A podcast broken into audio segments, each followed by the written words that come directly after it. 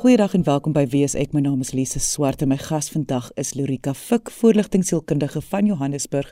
En ons gaan vandag gesels oor 'n wonderlike onderwerp want ek dink nie noodwendig op ons almal van toepassing is nie, maar tog is daar 'n waarheid hierin wat ons almal dalk 'n uh, bietjie meer kan kyk na onsself en ons gaan gesels oor nomofobie.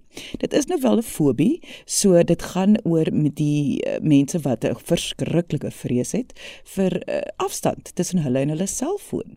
Iets wat al hoe meer kop uitsteek in ons samelewing deesdae. Maar dis hoekom Lorika Fik hier is om vir ons meer daaroor te vertel. Lorika, vreemde vreemde naam hierdie nomofobie. Ek ek wil wel net eers groot begin voor ons nou hiperfokus op hierdie spesifieke fobie sit. Maar so kom ons gesels dit eers oor wat is 'n fobie? So 'n fobie is doeteenvoudig 'n vrees vir iets of 'n verskynsel of iemand of vir 'n ding. So dis 'n vrees daarvoor. Maar hoe 'n vrees? Ek bedoel ek is bang vir spinnekop, maar ek weet ek nou nie 'n fobie vir 'n spinnekop nie. Wel, net soos wat ons maar met enigiets maak uh, in die in die verskynsel van die sielkunde, is dat die oomblik wat so 'n fobie 'n uh, impak het op jou daaglikse lewe, op hoe jy agter jouself kyk, op die besluite wat jy neem, op die rotines wat jy volg, op jou daaglikse paadjie wat jy stap, dan weet ons ons sit hier met 'n met 'n probleem. En veral as dit goeie soos jou gesondheid en jou verhoudings en jou werk beïnvloed, dan dan kyk ons definitief daarna as 'n fobie. So dink jouself in, jy klim in die kar die dag, jy's nou reg om te gaan melk koop iewers. Jy klim in jou kar en jy uh, jy ry die pad en jy kom by die winkel en jy klim uit jou kar uit en jy stap by die winkel in en jy's nou reg om melk te koop, maar jy weet dat daar sekere ander goedjies op jou lysie is wat jy nou moet koop by die winkel. En jy gaan in jou handsak of in jou sak en jy soek rond en die volgende oomblik kom jy agter dat jou selfoon op die kombuiskas by die huis lê. En vra jouself af wat gebeur binne in jou binneste wanneer jy besef dat jou selfoon nie op jou persoon is nie. En as jy daar angstigheid beleef of jy beleef 'n paniek, dan sit ons moontlik met 'n situasie van nomofobie. Want nomofobie is die vrees om sonder 'n selfoon te wees of om te kan gebruik. Maar is dit algemeen? Is hierdie want ek kan verstaan selfone speel 'n baie groot rol in ons almal se lewens, maar En 'n fobie is is is nou weer dit is nogal 'n dis 'n diagnose, so dis 'n ernstige ding. So is is dit al op daardie punt dat hierdie so ernstig is vir mense dat hierdie fobie al bestaan dat dit diagnoseerbaar is. Ja, dis definitief diagnoseerbaar, maar weet jy wat is interessant? En dit sal baie interessant wees vir die luisteraars is om te vra hoeveel mense was al in die laaste kom ons sê 10 jaar sonder hulle selfone iewers gewees. En weet mense dat hulle sit met nomofobie. Want dit is nie iets wat ons kan diagnoseer as iemand nooit dit beleef nie. En dis selde wat jy opeindig sonder jou selfoon op 'n plek. Terwyl ek voorberei het vir vanoggend se gesprek, toe dink ek, oh, wat 'n 'n 'n 'n heldin my ma was om hier voor die 90s in haar kar te klim en ons almal in 'n kar te laai en daar sê maar winkel toe te gaan en sy het nie eers 'n selfoon gehad nie, nê? Wat wat het sy gedoen met haar lewe sonder 'n selfoon? En veral deesdae wat ek weet wat mense jouself op 'n plek kry waar jy miskien sonder 'n selfoon is en dink jy, hoe het mense hierdie gedoen in die in die 90s en die 80s en die 70s en voor dit lank voor dit sonder 'n selfoon? Want ek dink ons selfone is so deel van ons menswees, dit is so deel van ons prosesse, van ons besluitneming, van die strukture van hoe ons ons lewens bestuur dat ja, dit sal interessant wees vir die mense wat al sonder 'n selfoon was op 'n plek in die laaste kom ons sê 5 jaar, wat se wat se ervaring het hulle gehad?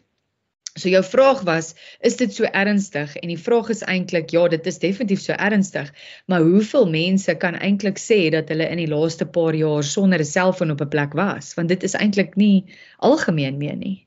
Dis my baie interessante aanslag om te kyk daarna, want dit is baie waar. Alhoewel die siekte bestaan, ons ons werk dit teen die hele tyd. So ons is nie heeltemal seker is ons siek of nie. Dis wat ons sê.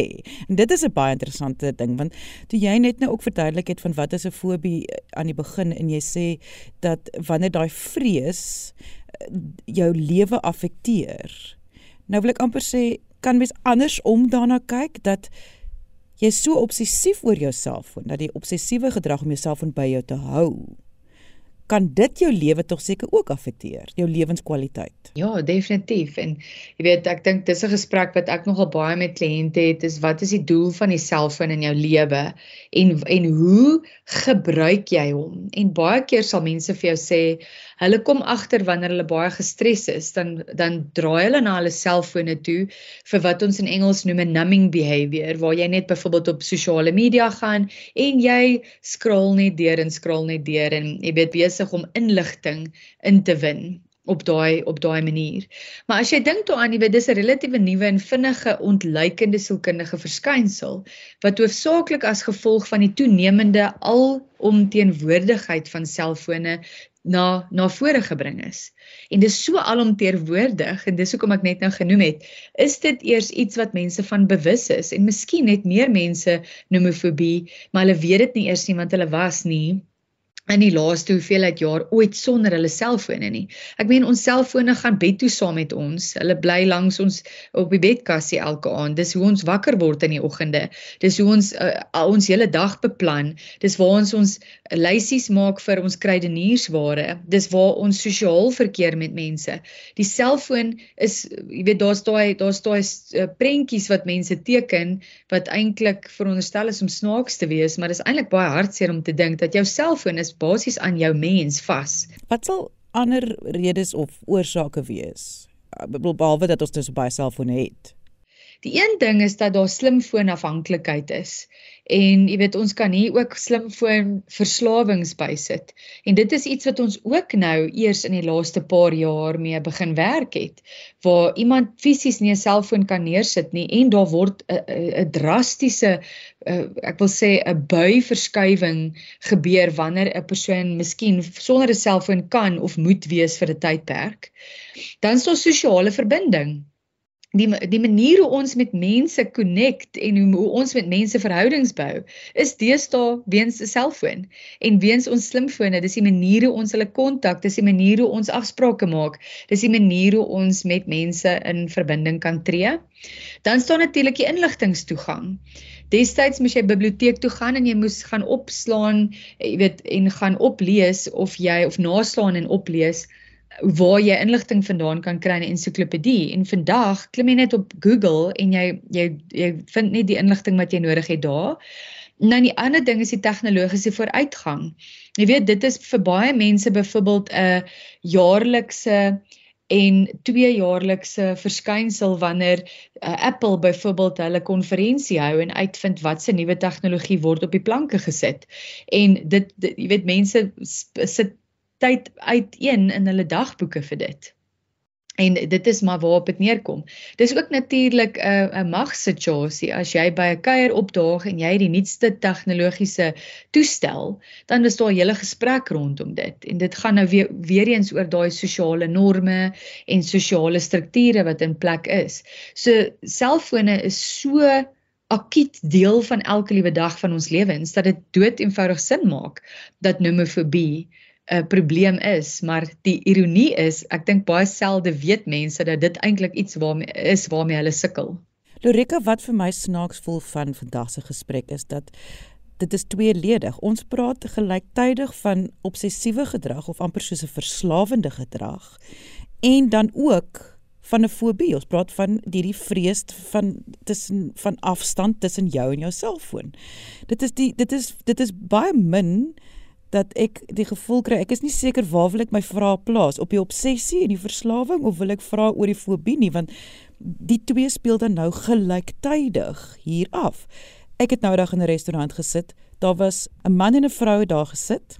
Hulle nie dat mens moet raai wat iemand se ouderdom is nie, maar hulle was maklik in hulle vroeë 80's albei het die hele 2 ure wat hulle daar gesit het en geëet en 'n bietjie wyn gedrink, het hulle albei net op hulle selfoon gesit soos twee tieners en ek het nog gesit en dink by myself, dit is die mag van tegnologie. Is wanneer oud en jonk dieselfde gedrag, obsessiewe gedrag wys. En om te dink dat iemand in hulle 80's alreeds so gemaklik geword het met met hierdie tipe van tegnologie. Maar mens sien dit ook gereeld in restaurante waar vir die ma en die pa om net 'n gesprek met mekaar te hê, moet die kinders op 'n op 'n skerm kyk. En jy weet dit word al van kleins af word kinders al gewoond daaraan en ja, word hulle geleer om met hierdie slimfone en hierdie tegnologie om te gaan en baie baie maklik te gebruik.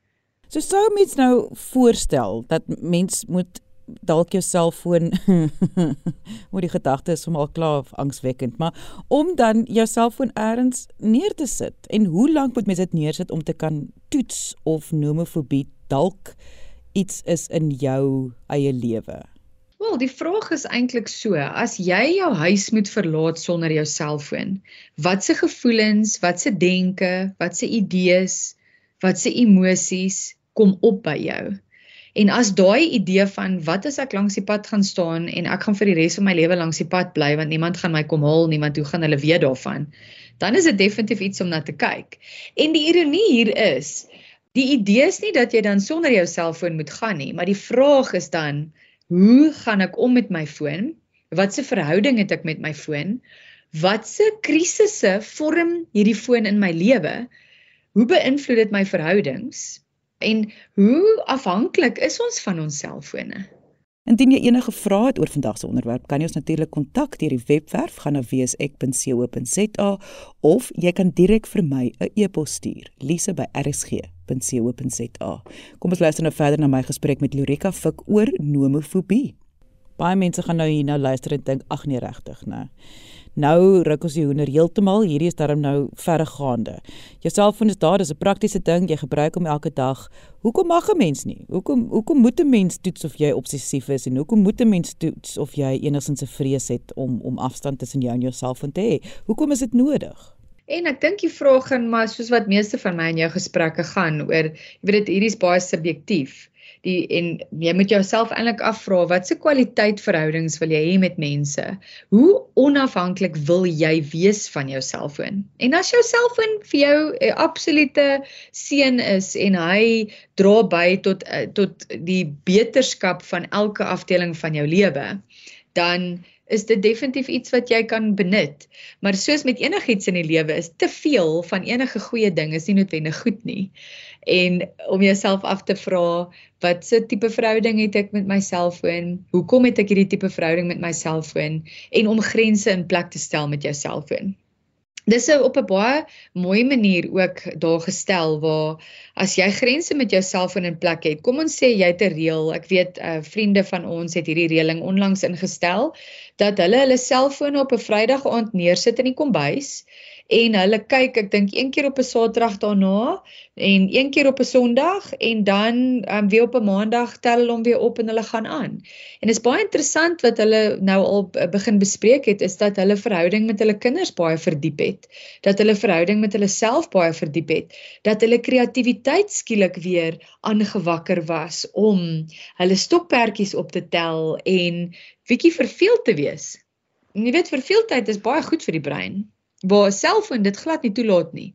Verveeldheid, daar is nie so iets soos verveeldheid wanneer jy 'n selfoon het wat jou in kontak stel met die hele res van die wye wêreld en al die inligting daar buite nie.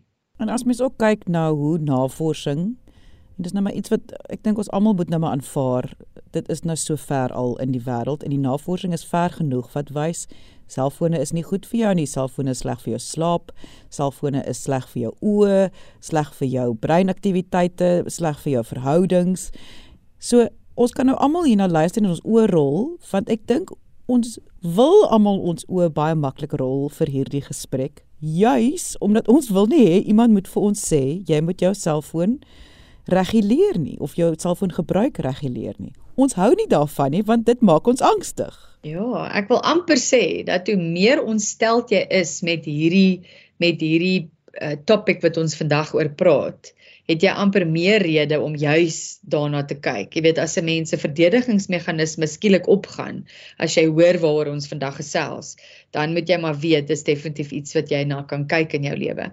Jy weet navorsing toon baie duidelik dat skermgebruik is geassosieer met angstigheid, met die verhoging van kortisol in die brein, met verswakte konsentrasie, met verminderde slaapkwaliteit wat jy reeds genoem het en sosiale onttrekking. 'n Selfoon gee vir 'n mens daai verskoning om nie noodwendig uit te reik nie en nie met mense in verbinding te tree nie. En op die ou einde in die langtermyn, die die krisis is dat hierdie hierdie probleme neig om so in te kruip in jou lewe in en eers wanneer dit 'n groot probleem is word jy bewus daarvan.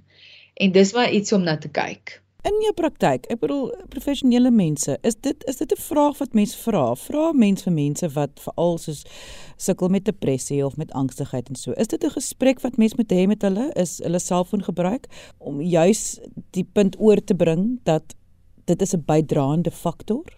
Ja, 100%. Jy weet, vir my wat holisties werk in my praktyk is is dit definitief een van die vrae wat ek vra. Hoe lyk jou lewenstyl? en baie baie baie mense wat ly aan depressie en angs sal éventueel vir jou kan sê dat hulle neig om daai numbing ding te doen in die aande, byvoorbeeld na die kinders gaan slaap het of na jy begin rustig raak, dan dan begin jy miskien op die televisie net die een reeks na die ander reeks te kyk en jy begin ehm um, jy weet net op sosiale media net deur te blaai en deur te blaai en deur te blaai. En daai numbing gedrag het 'n groot impak op verhoudings en ek ek hou aan hamer op die verhoudings want die basiese menslike behoefte op 'n baie onbewuste vlak is koneksie met ander. En ek hoor ook verskriklik baie mense wat byvoorbeeld weet dat hulle huwelik in die moeilikheid is, draai na hulle selfone toe want hulle wil nie daai aanspreek nie. Hulle is bang vir wat die uitkoms daarvan sal wees. Hulle is bang vir die realiteit van wat in 'n huwelik of in 'n in 'n in 'n in 'n verhouding, jy weet, eintlik aan die gebeur is en ons probeer ons selfone gebruik om dit te verhoed en te vermy. En die realiteit is hoe vinniger jy daai probleme aanspreek, hoe minder het jy jou selfoon nodig. En ja, hoe, hoe vinniger kan jy 'n baie gebalanseerde, gelukkige lewe lei? Soos met enige uh, verslawende gedrag en ek dink ook enige fobie om dit aan te spreek. Weerens kan mens hoor, ek is nie seker wat se rigting nie, maar om dit aan te spreek. Um sou met sekerlik klein stappies begin neem. Want nou kyk, dis baie mense wat gaan luister hierna en gaan voel ek is te skaam om te gaan na 'n professionele persoon en te gaan sê dat ek kan nie sonder my selfoon nie. En hulle raak ook natuurlik angstig ook want jy wil ook nie hê iemand moet vir jou sê jy moet nou op om jou selfoon te gebruik nie. Maar net soos enige prosesverslawing, um is soos dobbel en seksverslawing en so kan niemand sê jy moet ophou met eet of jy moet ophou met dobbel of jy moet ophou met whatever nie.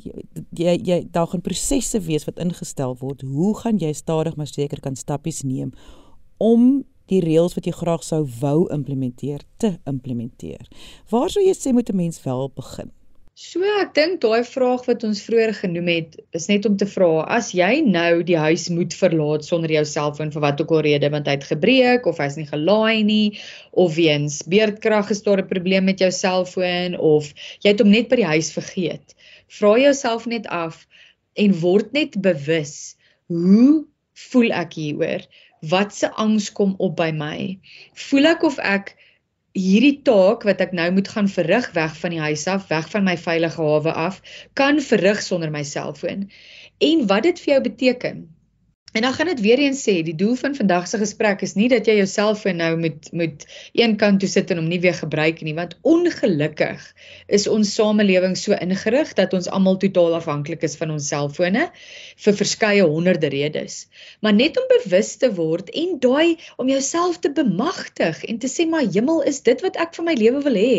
Wil ek so ultra afhanklik wees van hierdie toestel of gaan ek grense in plek stel met dit? En dit is die tweede punt wat ek wil maak is stel gesonde grense met jou selfoon. Probeer om hom glad nie eers by jou te hê terwyl jy byvoorbeeld eet saam met familielede of saam met vriende nie. Dis baie interessant wat die navorsing toon oor net een selfoon op die tafel skep soveel wantrou in daai verhouding met die persoon want dadelik weet jy as daai selfoon lei word die aandag van hierdie gesprek afgelei. En dis 'n dit is 'n hele ander gesprek wat ek en jy kan hê Lise net oor grense met met slimfone en wat dit vir mense beteken en wat die navorsing sê. Ek het byvoorbeeld my hele M gedoen oor die impak van wat hulle noem ICT uh op uh verhoudings in die leefwêreld. En dit was baie baie interessant want meer mans was gekant teen die gebruik van slimfone in 'n huweliksopset as wat vrouens was. Vrouens het byvoorbeeld gevind dat hulle baie makliker met hulle mans kan praat oor moeilike oor moeilike uh, topics as wat mans gevoel het dat hulle met hulle vrouens kan praat. Mans het meer behoefte gehad om direk met hulle vrouens te gepraat het waar vrouens gevoel het hulle kan hierdie sê maar WhatsApp gebruik om 'n moeilike idee met hulle mans te kan bespreek. So dit was vir my baie interessant wat in die navorsing uitgekom het. Maar dan die ander ding is om net bedagsaamheid te beoefen. Wees net bewus van die impak van hierdie toestel op jou lewe.